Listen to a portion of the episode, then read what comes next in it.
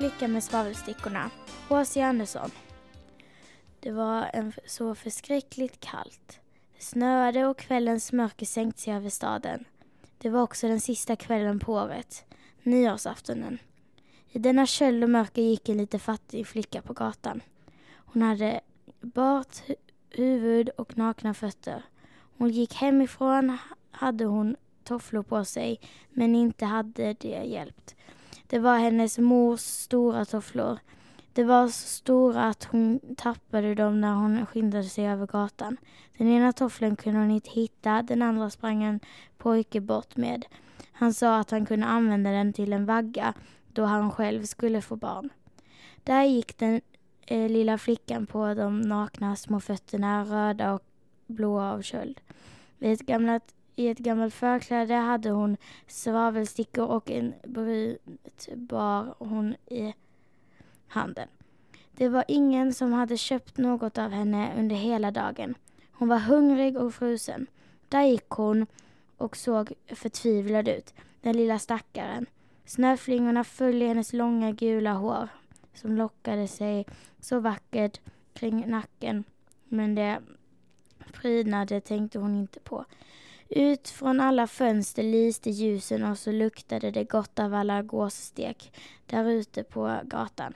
Det var nyårsafton, ja det tänkte hon på. Borta i ett hörn mellan två hus. Det ena sköt lite längre fram på gatan än det andra satte hon sig och, och kröp ihop de små benen.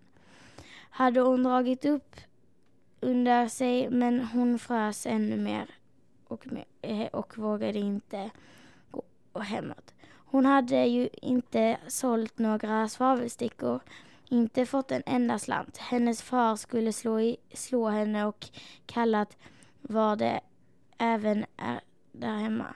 De bodde under bar, bara taket och där ven vinden in trots att halm och trasor var instoppade i de trösta springorna. Hennes små händer var nästan helt förlamade av köld. Ack, en liten sticka kunde hon nog göra gott om hon bara vågade att dra en ur bunten. Styrka den mot väggen och värma fingrarna. Hon drog ut en Rich. Vad den sprakade och vad den brann. Det var en varm, klar låga som ett litet ljus då hon höll handen omkring den. Det var ett underligt ljus. Den lilla flickan tyckte hon att satt framför en stor järnkamin med blanka mässingknappar och mässingkrans. Elden brann så härligt och värmde så gott. Nej, vad var det? Den lilla sträckte redan ut fötterna för att värma även dem. Då slocknade lågan. Kaminen försvann och hon satt med en liten stump av utbrunn svavelsticka i handen. En ny sticka stucken, den brann och lyste och där skenet föll på muren blev den genomskinlig.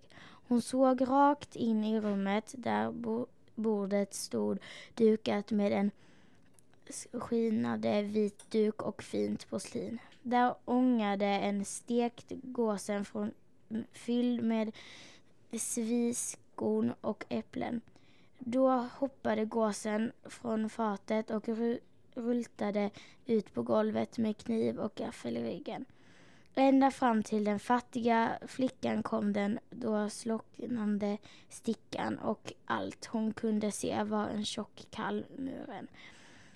Hon tände ännu en. Då satt hon under den vackraste julgran. Den var större och mer smyckrad än hon hos den rike köpmannen senaste jul.